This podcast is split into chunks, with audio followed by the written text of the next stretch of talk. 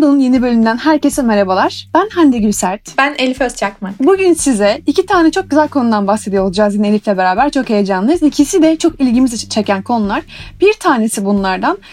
İngilizcesi biraz çok hani okuduğumuz platformlarda geçiyorsa da biraz garip bir kelime ama surveillance diye geçen gözetimden bahsediyor olacağız. Yani aslında yüz tanıma teknolojilerinden, e, devletlerin ve hükümetlerin ve startupların da dahil olduğu bir insanları etiketleme ve hemen anında bulma sistemlerinden bahsediyor olacağız. Ve Covid ile beraber bu sistemler nereye geldi ve gelecekleri neler? Nereye gidiyor olabilir? Bundan bahsediyor olacağız. Ve tabii ki en başından beri Kuando'nun varlık, varlık sebebi olan antitrust kelimesiyle hayata geçmiş olan Facebook, Google, Amazon gibi büyük şirketlerin başına bela bu davalardan bahsediyor olacağız ama e, daha özellikle Facebook'a biraz daha yoğunlaşacağız bugün. Yani Facebook'un bu antitrust davasındaki olayları nedir? Ne, ne neyle başladı her şey? Şu an ne yaşıyor Facebook ve neden Facebook bunları yaşıyor? Gelecekte ne olabilir? Yani hani bunun bize etkisi ne olabilir gerçekten? İnsanlığa etkisi ne olabilir? Aslında iki konuda etkisini konuşuyor olacağız Elif'le beraber. Yani hem e, gözetim etkisini hem de bu antitrust davalarının hükümet hükümetlerin şu anda e, büyük teknoloji firmalarına uyguladığı bu davaların aslında geleceğimize olan etkilerinden bahsediyor olacağız. Ama bunların hemen öncesinde size bu hafta Kuan'ın destekçisinden bahsediyor olmam lazım. Bugünün bülteni Bitpanda'nın destekleriyle ulaşıyor. Bugün 1,5 milyon üzerinde kullanıcı hizmet veren dijital varlık yatırım platformu Bitpanda 2020 sonunda başladığı Türkiye operasyonlarını yeni yılda da hızlandırarak sunduğu dünya standartlarındaki hizmetlerle Türkiye'deki kripto para ilgisinin yeni odağı olacak gibi görünüyor. Detaylarımızı bültenimizde bulabilirsiniz bu konuyla alakalı. Hatta ben bunu görünce az önce Elif'e dedim ki Elif'ciğim geç kaldık. Dijital varlık yatırımımız yok dedim bir platformumuzda. Öyle bir konuştuk bir iç çektik şu anda Bitcoin'in geldiği Bitcoin'in geldiği yeri falan düşünerek dedik ki yani zamanında zamanında var ya gerçekten ben üniversitedeyken Elif arkadaşlarım derdi ki Hande alalım.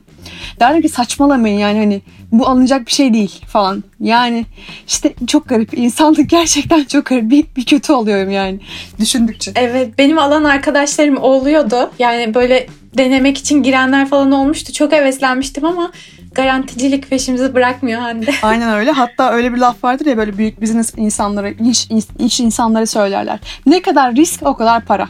Eğer riski çok az alıyorsan evet parayı da maalesef ki o oranda e, kabul etmen gerekecektir. Neyse biz mutluyuz efendim. Hayatımızdan mutluyuz. Şimdi o zaman Elif'ciğim ilk konumuza başlayalım.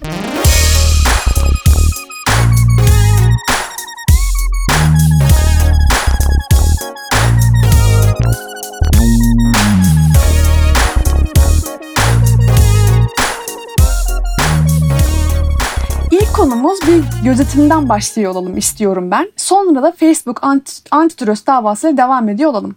Şimdi gözetim olayı nedir? Hani bu surveillance olan İngilizcesi ve ıı, yüz tanıma teknolojilerinin şu an günümüzdeki konumu, durumu nedir ve bize olan etkisi nedir bunun? Aslında bu önemli ve çok detaylı bir konu. Yani hani biz hatta bir bültende bunu e, baştan uca anlatabilir miyiz gibi çok düşündük ama elinden geldiğince anlatmaya çalışacağım ve e, muhtemelen çok şey atlayacağım. ama e, geri kalan her şeyi yazıda bulabilirsiniz bu arada. Yazı çok daha detaylı ve çok daha e, baştan uca her şeyiyle e, düzenli olacaktır. Ama şimdi başlayacağım. Hani gözetim dediğimiz şey dijital dünyanın artık hani giderek daha fazla alana sızan bir kavram aslında dijitalleştiğimiz müddetçe hani hiçbir şey özel kalmamaya devam edecek.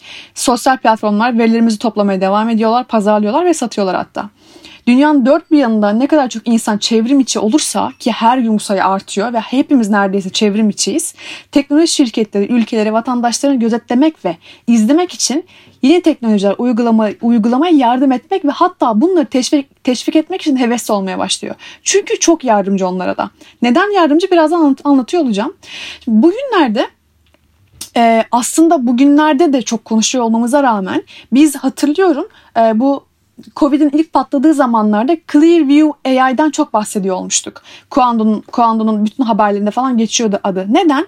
Şimdi Clearview AI bir startup ve yaptığı şey aslında gerçekten insanların e, yani bu biraz daha polis departmanlarına yardımcı olmak için ortaya çıkmış bir startup bu arada.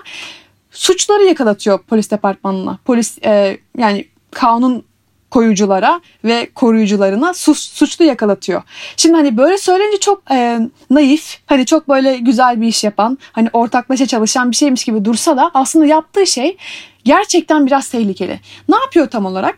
Bizim yani tüm insanların bütün fotoğraflarını Facebook, YouTube, Venmo gibi milyonlarca başka web sitelerinden alıyor bütün fotoğrafları ve bunlar üzerinde e, algoritmalar koşarak bunları bir şekilde etiketleyerek e, veri tabanına tutuyor bütün fotoğrafları. Ve daha sonra herhangi bir fotoğrafı siz Clearview AI'ya gösterdiğiniz zaman, yüklediğiniz zaman veya çektiğiniz, çektiğiniz zaman bile olabilir.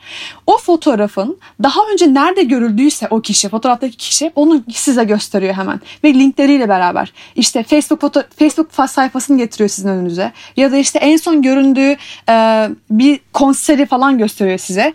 Ve hani polis departmanındaki insanlar da aradıkları insana çok kolay ulaşabiliyorlar böylelikle. Clearview'ın yaptığı şey bu aslında şu ana kadar bu arada hani birçok kez yaş- e, yaşanmış. Mesela Şubat ayında geçtiğimiz Şubat ayında bayağı doldu aslında baktığında ama Clearview AI ilk denemelerini Şubat ayında yapmaya başlamış. Yani aslında çok da yeni bir teknoloji. Hani çok da böyle e, zaman hani uzun yıllardır falan var olan bir şey değil ama o zamana mesela Indiana eyalet polisi tarafından kullanılmaya başlanmış e, Clearview AI ve hani 20 dakika içinde bir vakayı çözmüşler falan. Hani nasıl olmuş mesela bir parkta iki adam kavga ediyormuş biri diğerini vurmuş e, karnından yaralamış ve bir görgü tanı da hani o olayı telefonuyla çekiyor ve telefonuyla çektiği o küçük e, piksel o kadar kötü piksel piksel fotoğrafın içinden o kareyi yakalamış o yüzü yakalamış Clearview AI ve vuran kişiyi polise hemen göstermiş bu kişi bu kişidir diye. Facebook sayfasından. Ve gitmişler polis bulmuşlar. Şey diyor polis departmanı. Biz bunu kendimiz bulamazdık çünkü o kişinin yani suçlu olan kişinin bir sürücü ehliyeti falan bile yokmuş. Yani devlet yani devletin e, her, her, herhangi bir kurumunda bulunabilecek bir e, izi yokmuş. O yüzden bizim bulmamız çok daha uzun sürerdi diyor ama 20 dakika almış mesela bulmaları. Hatta şöyle ki Clearview yani bu şu anda hani Clearview'in en büyük müşterilerinin e, polis departmanları olduğu çok net sanıyorum. Hatta onlara da böyle şey yapıyor pitching yaparsın ya bir şey satmak için, ürünü satmak için gidersin. Şey yazmışlar böyle e, bir tane afiş bastırmışlar. Artık arama yapmayın da investigation derler ya şu an investigation yapıyoruz, arama yapıyoruz falan. Davamız var bilmem sürekli araştırma. Artık araştırma yapmayın. Artık davaları çözün falan gibi böyle. Hani öyle bir şeyleri de var. Afiş, afişlere falan basmışlar. Aynen bayağı da güzel bir satış sloganı yani. Ve polisler gerçekten çok kullanıyormuş bunu. Ee, ama çok da kısa zamanda çözüyor tabii. Şimdi Clearview'un aslında farkının olmasının bir sebebi de hizmetin cidden benzersiz olması. Yani hani içinde uyguladığı algoritmayla en kötü fotoğrafları bile bir şekilde size gösterebiliyor. Ama tabii ki bunun bir hata payı var. %75'e yakın demiş bu arada. Doğru doğruyu gösteriyoruz biz demiş. E, Clearview'un kurucusu. Şimdi hani geri kalan 25'lik kısmı aslında çok önemli. Siz bir insan hayatını kaydırabiliyorsunuz çok basitçe ve bununla alakalı çok case var bu arada. Hani yanlışlıkla tanımlanan, yanlışlıkla e, suçlanan ve bunu hani yüz tanıma algoritmaları kullanan startuplar tarafından yapan birçok e, dava olmuş aslında. Bunlardan da bahsediyor olacağım yazıda e, detay derinlemesine. Bu arada Clearview'un biraz daha hep konuşuyoruz ya böyle mail ettiği taraf beyazlar. Beyazları daha iyi algılayabiliyorken siyahları, siyah tenli insanları çok da kolay e, çok da doğru algılayamıyor aslında. Yine orada bir maili var ve oradaki e, hata oranı daha yüksek. Ve bütün durumlarda yani çoğu davada da hep siyah e, insanların aleyhine sonuçlanmış gibi duruyor. Çoğunluğu böyle tabii. Şimdi bunlar tehlikeler aslında Clearview AI'ın. Ve e, bu arada bu şey e, Clearview AI'ın kurucusu böyle e, şu an 32 yaşında sanıyorum şey hani mankenlik yapmış zamanında hani uzun saçları olan hani böyle çok da cool bir abimiz yani ve sonra ama mankenlik yaparken demiş ki yok ya ben biraz daha şey Silikon Vadisi'ne kayacağım ve ben bu işi yapacağım falan demiş. Sonra bu e, Clearview projesiyle ortaya çıkmış. Peter Thiel vardır. Facebook'un aynı zamanda kurucusu ve e, yönetim kurulundadır aynı zamanda kendisi. E, bu arkadaşa Clearview kurucusuna para vermiş Hani ilk yatırımını aslında Peter Thiel'den almış e, o arkadaş ve 200 bin dolar falan sanıyorum o zamanlar. E, ama hani Clearview yaptığı şey Facebook'tan fotoğraf çalmak ve bunu aslında Facebook'un e, hani bildiğin şeylerine ihlal ederek, bütün kurallarını ihlal ederek yapıyorsun. Mesela Peter hani Peter Thiel de Facebook'un şeyinde ama yönetim kurulunda ama buna izin vere, vere, verebilmiş ve hatta bu konu hakkında yorum yapmayan bir insan. Ee, şimdi hani aslında Clearview AI'dan çok daha detaylamasına bahsediyor olacağım ama buradaki olay yani gerçekten yazıda biraz daha detaylıca yazacağım ama şunu düşünebiliriz bence. Hani artık toplum öyle bir yere gidiyor ki hani o kadar kolay olacak ki böyle Google'da isim ararmış gibi tanımadığınız bir insanın fotoğrafını çekip bir dakika bu kimmiş ya deyip hani bir application içinde bu fotoğrafı e, yükleyip sonra onun nerede olduğunu, nerede yaşadığını falan bile bulabilip hatta hani ona erişebileceksiniz gibi bir distopyaya gidebiliriz. Yani hani bu gerçekten korkutucu bir şey. Ve e, hani sistemin şu an için polislerin elinde olduğunu düşünsek bile kötü insanların ele geçtiği zaman bu kadar büyük bir sorumluluğun nelere yol açacağını bilmiyoruz bile. Hani şey vardır ya Örümcek Adam'daki şeyin e, Peter'ın amcası söylerdi. Amcası derdi ki büyük güçler çok büyük responsive hani sorumluluklar getirir. Eğer çok büyük bir güce sahipsen çok hani sorumlusun bundan falan gibi. Hani bunun sorumluluğunu kim alacak, nasıl alacak bilmiyoruz. Çünkü Clearview AI'ın kurucusu da diyor ki e, biz şu an için teknolojimizin kötü olduğunu düşünmüyoruz ama tabii ki herhangi bir şekilde iyi bir teknoloji kötü bir insan eline geçince kötü şeyler olabilir. Ama bizim amacımız bu değil demiş. Clearview AI e, böyle başlattı bu süreci. Yani yüz tanıma teknolojilerini kullanan ve insanları bir şekilde etiketleyen ve sonuca ulaştıran bir e, platform var önümüzde. Bununla beraber de e, globalde de hani bu tamam Amerika'da çok kullanılıyor ama aynı zamanda küreselde de Çin hükümetinin Uygur azınlığına yönelik devam eden zulmünü bir şekilde e, yine yüz tanıma algoritmalarıyla Uygur Türklerini yakalayıp hani onları far, fark edebilen direkt onlara yönelik algoritmalar kurduğunu da biliyoruz, kullandığını da biliyoruz. Bunlardan da bahsediyor olacağım.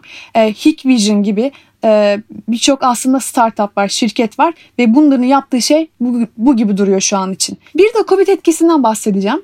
Şimdi hani her şey güzel, hoş da her ne kadar olmasa da Covid'le beraber gelen aslında bize iyilikleri de oldu bu e, yüz tanıma algoritmalarının ve aslında gözetim e, kavramının. Çünkü neden? Singapur hükümetine örnek alabiliriz burada mesela. E, Safe Entry isimli bir sistem aracılığıyla aslında dijital çekimler yapmaya başlamış. Yani dijital kontroller yapmaya başlamıştı ülke zamanda bu e, virüs kontrolleri yap, yaparken. E, ve bununla beraber Trace Together isimli bir aslında proje geliştirmişler. Bir uygulama var. Bu uygulamada siz şunu yapıyorsunuz. Sistem insanları bu arada Bluetooth e, Bluetooth ile çalışıyor ve sizi yani Bluetooth'unuz da izleyebiliyor aslında. Şunu yapıyormuş e, Trace Together uygulaması. İnsanları hareket ederken ve birbirleriyle etkileşim halindeyken eğer iki kişi 30 dakika veya daha uzun süre birbirine 2 metre yakınından daha az e, mesafede yakınsa bunları kaydediyormuş, etiketliyormuş. Ve hükümet sonra bu e, tüm bu insanları, yakın temastaki insanları e, kontrol etmek için aslında şey yapmak için onların peşine düşmek için eğer bir şekilde vaka e, riski varsa bulabiliyormuş. Ve hatta bununla beraber 25 bine yakın temas, yakın temaslı tespiti olmuş. Uygulamanın 25 bin kişi aslında yakın temaslı da etiketlemiş. Ve onların arasından da gerçekten 160'a yakın pozitif sonuç elde etmişler. Hani temastan trace ederek buldukları insanların %60'ı gerçekten pozitif çıkmış Covid'de. Ya bir başarısı var. Bize bir katkısı var aslında bu sistemlerin. Ama sorun şu ki e, sağlığımızı amaçlayan bir şey. Çok doğru. Kimse sonuçta sağlık ortadayken ya ben verim vermek istemiyorum falan demek istemez. Ama karşılığında bizim verdiğimiz şey e, tam olarak güvenliğimiz ve diğer her şeyse çünkü bu arada Singapur en başından beri demiş ki e, bu sistemi biz sadece sağlık temelleri için kullanıyor olacağız. Başka hiçbir amaç için kullan, kullanılmayacak dese de şu anda mesela Singapur hükümeti tüm bu tüm bu datayı, veriyi polisin de kullanacağını açıklamış bir şekilde. Çünkü hükümetsin sen yani hani ol ol dersin olur. Öyle bir şey şu an. En başında böyle demiş olmasına rağmen şu an polisler de veriyormuş datayı. Yani hani baktığın zaman şey değil yapay zeka araştırması çok önemli, çok kıymetli ve sağlık var işin ucunda ama mahremi, mahremetimizden vazgeçmek kadar büyük bir şey mi acaba? Ve biz bunu aslında çok da demokratik bir oylama sonucunda mı biz tamam de- demeye başladık? Ben verimi veriyorum sana demeye başladık. Yoksa her şey biraz orayı mı zorladı acaba süreci gibi e, bir takım aslında sorular var kafamızda ve geleceğiyle alakalı da aslında gözetim e, olayının ve bu Big Brother is watching us e, söyleminin e, öyle duruyor ki hükümetler bu işin peşini bırakmayacak gibi çünkü çok yardımcı. E, ve hani Çin'den ve e, yine Amerika'dan birçok başka uygulama da çıkmış ve yaptıkları birçok yine yardımcı olduğu birçok şey sorun olsa da dediğimiz gibi sorular yine de baki kalmaya devam ediyor. Ee, bakalım hani bu işin son nereye gidecek gerçekten bilmiyoruz ama geleceğimiz biraz sanki distopik gibi duruyor. Sen ne dersin Elif? Ya bence evet biraz korkunç yani. Hani şu ana kadar anlattıklarının tek faydası sadece Covid'de e, tespit yani temasları tespit edebiliyor olması. Bir de benim aklıma şey geldi. Şimdi eğer Facebook'taki gönderilerden falan buluyorsa o zaman bu deepfake videoları bunları konuşmuştuk. Hani deepfake görüntüleri onlarla eşlerse sahteyle gerçeği nasıl ayırt edecek mesela? Yani bu insanların Aynen başına öyle. büyük sorunlar açabilir Aynen gibi geliyor. öyle. Onu e, galiba ayırt edebiliyorlar bu arada. Onun sistemleri var ama bir de hani şu anda mesela e, suratımızda maske var ya maskeyle bile olsan sadece gözünden gerçekten seni yakalayabilecek kadar iyileştirilmiş, iyileştirilmiş bu algoritmalar bu sırada. Yani maske olsa bile suratında veya kapanmış bile olsan yani bir şekilde yakalayabiliyor gerçekten. Senin kim olduğunu, nerede olduğunu bulabiliyor. Hani algoritmalar buna evrilmeye başlamışlar gerçekten. Hani bana da korkutucu geliyor. Dediğin gibi deepfake'i de hani nasıl neler olabileceğini bilmiyorsun ve şu an için bile hani birçok aslında e, yakalayamadığı ve yanlış etiketlediği insanlar var ve karşılığını şey yapamıyorsun. Yani hani şunu diyemiyorlar mesela e, işte atıyorum Clearview AI'ın başarı oranı %75 ama bunun doğruluğunu başka türlü kabul edemiyorsun. Yani diyor ki sana bu insan suçludur diyor ve hani bu doğru mu yanlış mı başka bir e, şey yok orada. Jüri yok. Çünkü teksin. Tekelsin o anda. Hani kullandıkları tek uygulama sensin. Ya gerçekten biraz evet e, bana da distopik ve korkutucu geliyor ve çok fazla şey dinledim bu arada. Böyle podcastlerden falan çok fazla e, yakın dava hani çok benzer dava izledim. Yanlışlıkla insanları ce- cezalandıran e, bir sistemden bahsediyoruz. Tabii ki faydası da çok ama e, kötü insanların elinde çok büyük e, sonuçlara ulaşabilecek bir şey. Peki tamam çok daha detaylı konuşabilecek bir şey dediğim gibi bunun ardı, ardı arkası kesilmez ama çok da zamanımız geçmeden Facebook'tan devam edelim istiyorum Elif'ciğim. Şimdi Facebook'un e, ant- antitrust tabii ki kelimemiz bu. Hani keyword'ümüz bu. Antitrust ağında Facebook retrospektifi demişsin. Çok da güzel bir isim koymuşsun. Şimdi bir başlayalım ki şey Elif'ciğim nedir? Hani antitrust davasının Facebook neydi? En başında her şey nasıl başladı? Şu anda neredeydi? Bir senden dinleyelim bunu şimdi isteriz. Şimdi önce antitrust artık bilmeyen yoktur diye düşünüyorum ama küçük bir üstünden geçebiliriz belki. Aslında antitrust büyük e, şirketlerin diğer küçük benzer işleri yapan his, şirketlerin hisselerini alarak böyle bir tekel haline gelmesine gelmesi girişimi diyebiliriz. Bununla ilgili tabii en çok ismini duyduğumuz ve bununla en çok ismi geçen şirket Facebook. Bunu inceleyeceğiz. Aralık ayında e, Facebook'a karşı büyük bir dava başlatıldı. E, hem Federal Ticaret Komisyonu hem de 48 tane eyalet Facebook'a karşı bir dava açtı. Ama e, başlıktan da anlayacağımız üzere bir ret- retrospektif yapmak istiyorum. Şimdi Facebook bildiğimiz üzere 2004'te Mark Zuckerberg tarafından kuruldu. Yani dedi ki işte insanlar sosyalleşsin, internet ortamında sosyalleşebilsin, ilgi alanlarını paylaşsın, birlikte bağlantı kurabilsinler. Ve e, kendi okuduğu Harvard Üniversitesi için bunu e, kurmuştu. Sonra hızlıca bu diğer yakın üniversitelere yayıldı. Bir anda 2006 yılında global olarak artık bilinen bir uygulama olmaya başladı. Hızla büyüyor. E, sonra işte biraz gelir elde etmeye başladı. Bir pazar yeri, kullanıcıların e, ürün satabildiği bir pazar yerini uygulama geliştireceği bir platform kurdu. Ve e, 2012'de halka arz edildi. Olaylar burada patladı. İlk önce e, halka arz edildikten sonra 2012'de e, 1 milyar dolara Instagram'ı satın aldı. Sonra yetmedi. e, mesajlaşma uygulaması olan WhatsApp'ı 19 milyar dolara satın aldı. Bu iki büyük satın alma tabii ki bütün okları üzerine çeken bir olaydı. Ama bunun yanında aslında 10 milyon doların altında birçok satın alma gerçekleştirdi. Ve bunlar hep şey e, ya oradaki o startuplardaki çalışanları kendi ekiplerine katmak amacıyla ya da kendisinde hangi teknoloji eksik ya da büyüme potansiyeli hangi startuplarda var buna göre bu şirketleri satın aldı. Bu tabii ki e, yavaş yavaş sosyal medya devi haline gelmeye başladı Facebook. Ama e, oralara gelmeden önce kullanıcı çeşitliliği arttı Facebook'un ve iç, içinde küçük sıkıntılar yaşamaya başladı. Bu kullanıcılar yanlış bilgilendirme ile ilgili hani haberler yaymaya başladı.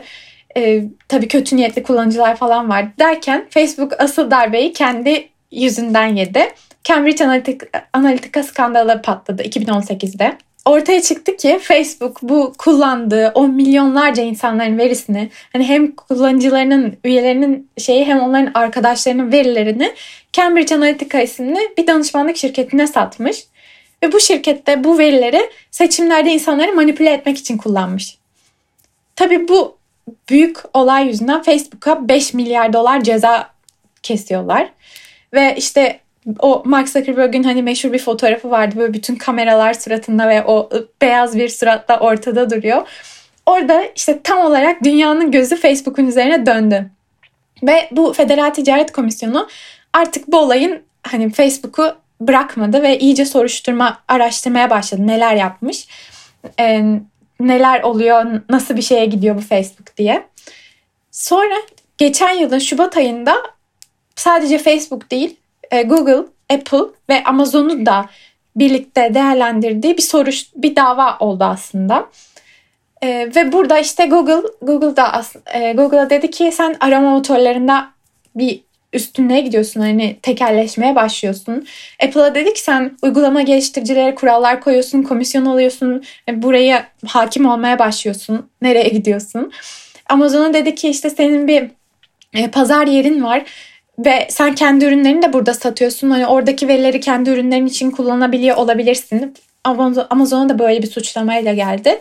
Facebook'a da dedik ki yani sen WhatsApp'ı satın aldın, Instagram'ı satın aldın. Bir sürü küçük startup satın almışsın. E sen sosyal medyada iyice gücünü büyütmeye başladın. Neden böyle yapıyorsun? Hani e, bu rekabeti etkisiz hale getirmeye başlıyorsun artık. Bu adil bir şey değil. Böyle bir e, suçlamayla bu dört şirketi soruşturdu aslında. Ve e, tabii ki en büyük sıkıntıyı yaşayan Facebook oldu. Çünkü Facebook'un e, para ve verisini kullanarak aslında bu m, sektörde bir öncü haline, bir, bir dev haline gelmeye başladığı gerekçesiyle ona suçlamalar yöneltildi. Sonra e, bu olayların yanında Mark Zuckerberg'in 2008'de Instagram'ı satın alma ile ilgili e, attığı bir e-posta ortaya çıktı. Dedik ya demiş ki bir yerde satın almak rekabetten daha iyidir. Yani görüyor potansiyellerini bu startupların ve onlarla rekabet edemeyecekse hazır gücü varken onları satın almayı tercih ediyor. Satın aldıktan sonra da halbuki önceden e, rahatsız edici bulduğu bu fotoğraf paylaşması uygulaması Instagram'ı satın aldıktan sonra da iş arkadaşlarına diyor ki Instagram bir tehditti. Yani bunu içeren bir e-posta gönderiyor ve bu e, bu Federal Ticaret Komisyonu'nun ve diğer eyaletlerin yaptığı şikayette böyle 53 sayfalık bir şikayet yazmışlar. Bu e-postaların hepsini kanıt olarak içine koymuşlar. Buradan tabii geri dönüş biraz sıkıntılı. Yani e, diyorlar ki ya sen potansiyel rekabet tehditlerini ortadan kaldırıyorsun ve bu birleşme ve satın almalarla antitrust yasalarını ihlal ediyorsun. Nereye gidiyorsun diye Zuckerberg'ü suçluyorlar. O da ilk şey olarak diyor ki biz yani bunu kullanıcılar için yapıyoruz. Biz aslında sıkı bir şekilde rekabet ediyoruz. Biz adil bir şekilde rekabet ediyoruz. Ama en iyisi olmaya çalışıyoruz. Ama tabii ki bu onu kurtaramadı. Ve Aralık ayında kendisine Facebook'a e, bir dava açıldı. Bu işte 53 sayfalık şikayet bu davada davaya yani 53 sayfalık bir şikayetle bu davayı açtılar. Ve burada e, istiyorlar ki bu artık Facebook 10 milyon doları geçen satın almalar yapmasın ve bu yasaları aşan bu yaptığı satın almalar yani aslında WhatsApp ve Instagram'ı hedef gösteriyorlar. Bunları satsın tekrar. Bunlar bağımsız hale gelsin diyorlar. Yani e, Facebook'un bu uygulamalarından biri her ay 3 milyon 3 milyardan fazla insan tarafından kullanılıyor ve e, bunun hepsini de Facebook bu sektördeki hakimiyetini kaybetme korkusuyla kendisine katmış. Bu yanlıştır diyorlar. Facebook'ta bu suçlamalara karşı başhukuk müşavirleri bir cevap yayınlıyor ve e, bir gönderi yayınlıyor. Gönderinin başlığı da FTC ve eyalet başsavcıları tarafından açılan davalar revizyonist tarihtir. Yani e, bu şeylerin geçmişe yönelik görüntülenmesi e, saptırılıyor gibi bir şey anlamına geliyor aslında. E, ilk olarak diyorlar ki burada biz WhatsApp Instagram satın aldık ama biz e, daha aslında kullanıcılara daha iyi ürünler sunuyoruz bununla diyorlar. Ve sonra diyorlar ki yani siz bunu şimdi neden e, araştırıyorsunuz? Biz bunu satın alalı 5 yılı falan geçmiş artık. Niye hala kurcalıyorsunuz? Ama bazı bilim insanları diyor ki yayınladıkları yazılarda bu aslında normal bir şey. Yani arada yaptığı önceki kararlarını bu komisyon üyeleri bir gözden geçirmesi gerekiyor diyorlar. Sonra e, Facebook'a şikayette deniliyor ki potansiyel rekabetçi ürünleri platformdan çıkarıyor ve e, kullanıcı tabanından bu rakiplerini mahrum ediyor. Bu da aslında e, Vine'ı Twitter satın aldığında Facebook kendi e, API işlevlerini Vine'dan çıkarıyor.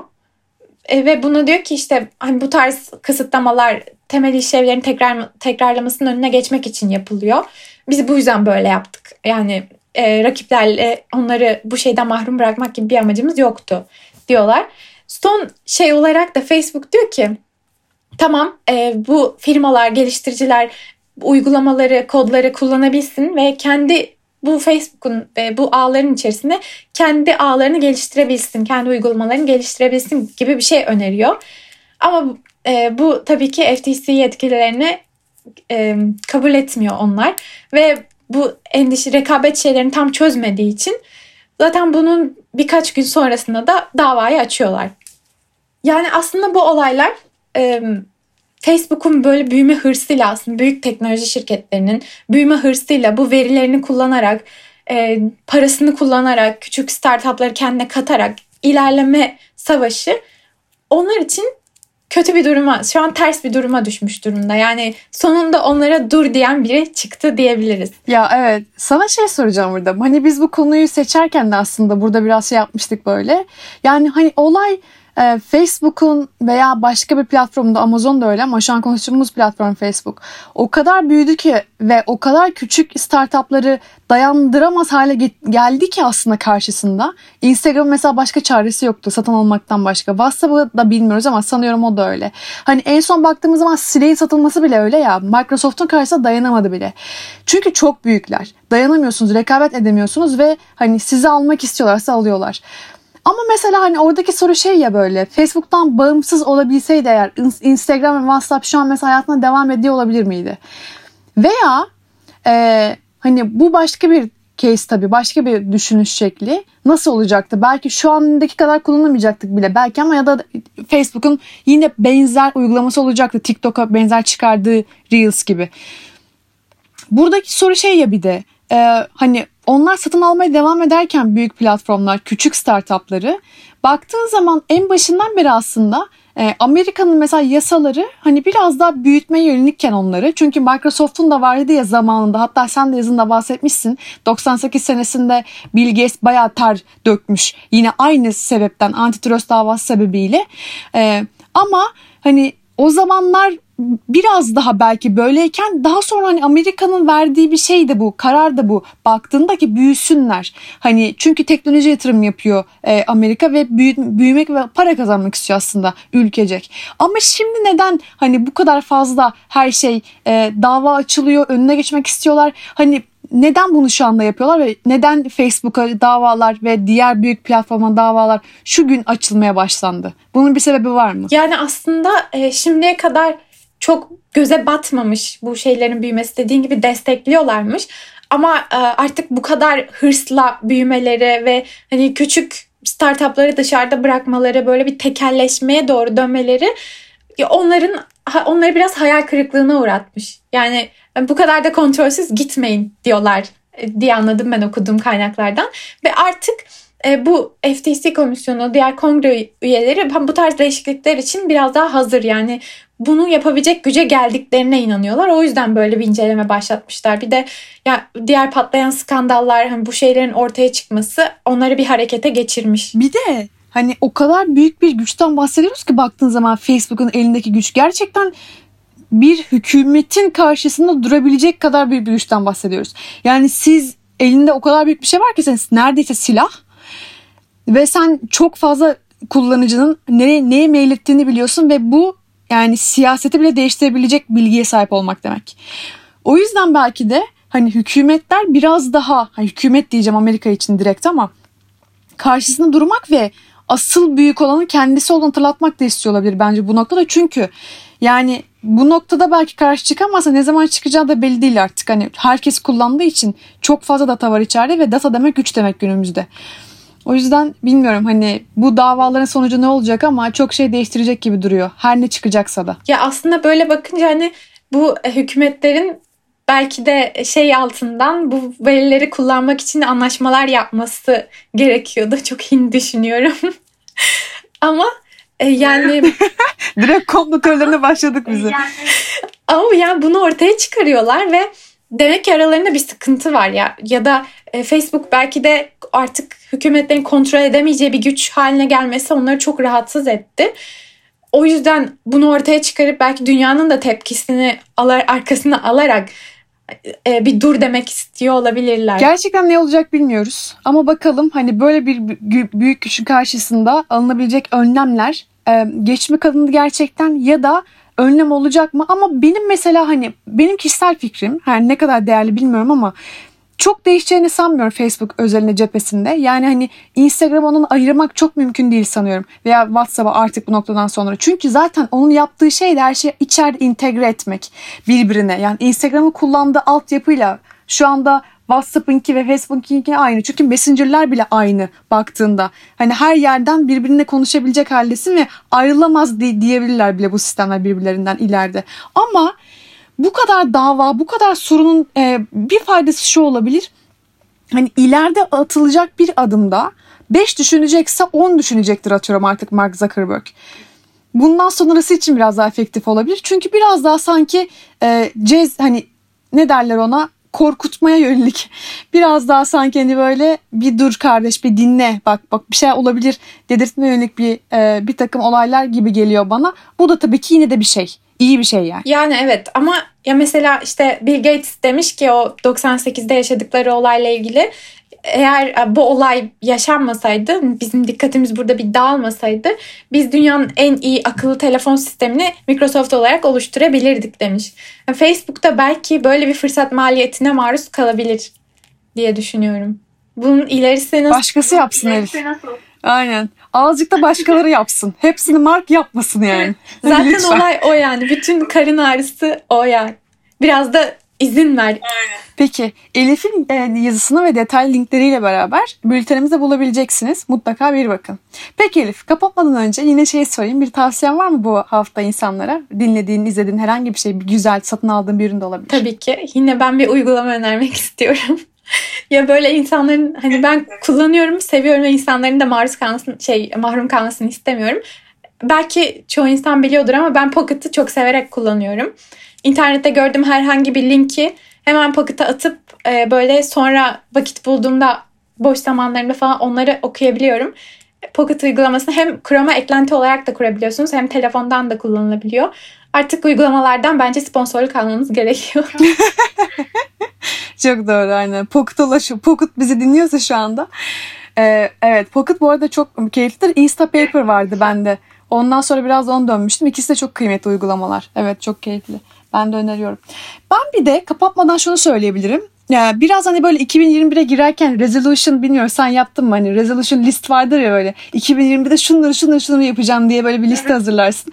Hani bir onu yaptım mesela ben tamam mı? Çünkü her niye yapmayayım ki yani her Ocak'ta yapıyorum ben bunları. Yaptım mesela ve şey çıkardım hani kitap okutam hani hani mutlaka her her ay bir kitap bitirdin emin ol falan. Sonra dedim ki bir dakika şimdi şunu yapalım hadi. Tamam kitap okumak güzel çünkü herkes bunu söylüyor zaten kitap okumam lazım daha fazla okumam lazım falan gibi ama bu zamana kadar okuduğum hangi kitaptan ne elde etmişim mesela tamam hani çünkü okuyorsun ve konuşmuyorsun ve yazmıyorsun ya hakkında gidiyor.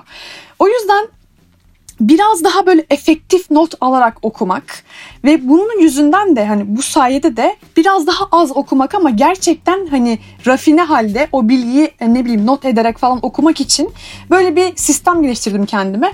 Onun içinde şey vardır bu YouTube'da Ali Abdal diye e, bir e, YouTuber'ın videoları vardır çok keyifli.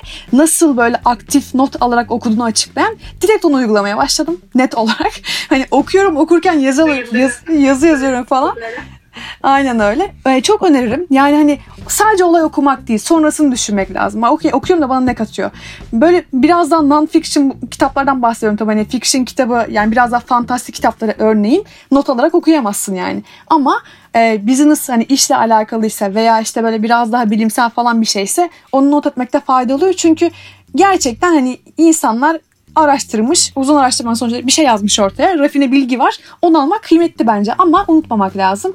O yüzden de not almayı mümkünse herkese hani böyle okuduğu her şeyi falan şey yapmaya hani sindirmeyi öneriyorum. Bilmiyorum ne kadar kıymetli ve anlamlı gelir. Çok bence çok kıymetli. Ben bunu dinlediğim podcastlere de yapıyorum. Böyle he, hep podcast dinlerken yanında genelde not defterim, postitlerim falan olur. Çok Kuando'dan da falan da yani çok fazla not almışımdır. Onlar sonra göz, gözden geçirirken de aklıma geliyor. Bir de yazdığım için konuşurken de aklıma geliyor.